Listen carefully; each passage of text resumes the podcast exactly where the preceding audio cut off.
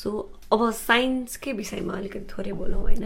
अब प्रायःलाई अब हाम्रो नेपाली सोसाइटीमा कस्तो भन्दाखेरि साइन्स म्याथ भनेको चाहिँ डक्टर इन्जिनियरले पढ्ने अप्ठ्यारो गाह्रो विषय होइन? कसैले छुनै नसक्ने अप्ठ्यारो भनेर एउटा जुन छ मासमा बिलिफ सिस्टम।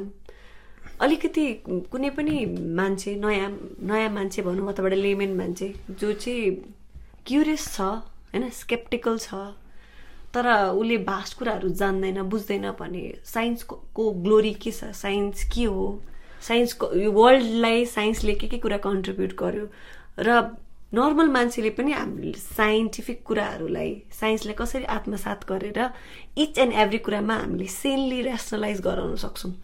हो यो एकदमै इम्पोर्टेन्ट क्वेसन हो। यो कुरा बुझ्न एकदम जरुरी छ। जस्तो अघिको पोइन्टमा मैले के भने भन्दाखेरि science is a very technical subject यसमा म्याथमेटिक्सको कुराहरू आउँछ होइन? विभिन्न टेक्निकलिटिजको कुराहरू आउँछ। र unless you are not familiar with this things तपाईँले चाहिँ साइन्टिफिक हुन गाह्रो हुन्छ भने जस्तो मिनिङ पनि गयो होइन? सो यसमा चाहिँ के छ भन्दाखेरि एउटा साइन्टिफिक मेथड हुन्छ क्या?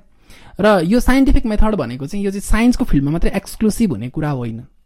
Anybody can be a scientific thinker भनेको तपाईँले आफूले बोलेको कुरालाई फ्याक्ट बेस रूपमा बोल्नुहुन्छ ऱ्यासनल लोजिकल तरिकाले बोल्नुहुन्छ होइन एक्सपेरिमेन्टली भेरिफाएबल तरिकाले बोल्नुहुन्छ सोच्नुहुन्छ भने युआर अ साइन्टिस्ट सो तपाईँले चाहिँ एउटा साइन्सको फ्यान्सी डिग्री भएर मात्रै साइन्टिस्ट हुनुहुन्छ भन्ने कुरा इज टोटली रङ तपाईँले पढेर पनि you can be a full scientist right that's also very probable तर तपाईँले साइन्सको फिल्डमा नपढे पनि as a thinker if you think in the right way होइन in in a systematic way such that uh, whatever you think or whatever you uh, speak is backed up by evidence, backed up by facts, uh, backed up backed up by logic and rationality. That you are a scientist. You can be. You can afford to be a scientist. You do not have to have a degree for that, or you should not. It is not necessary that you should be familiar with complicated mathematics. So that's the point I want to make very clear.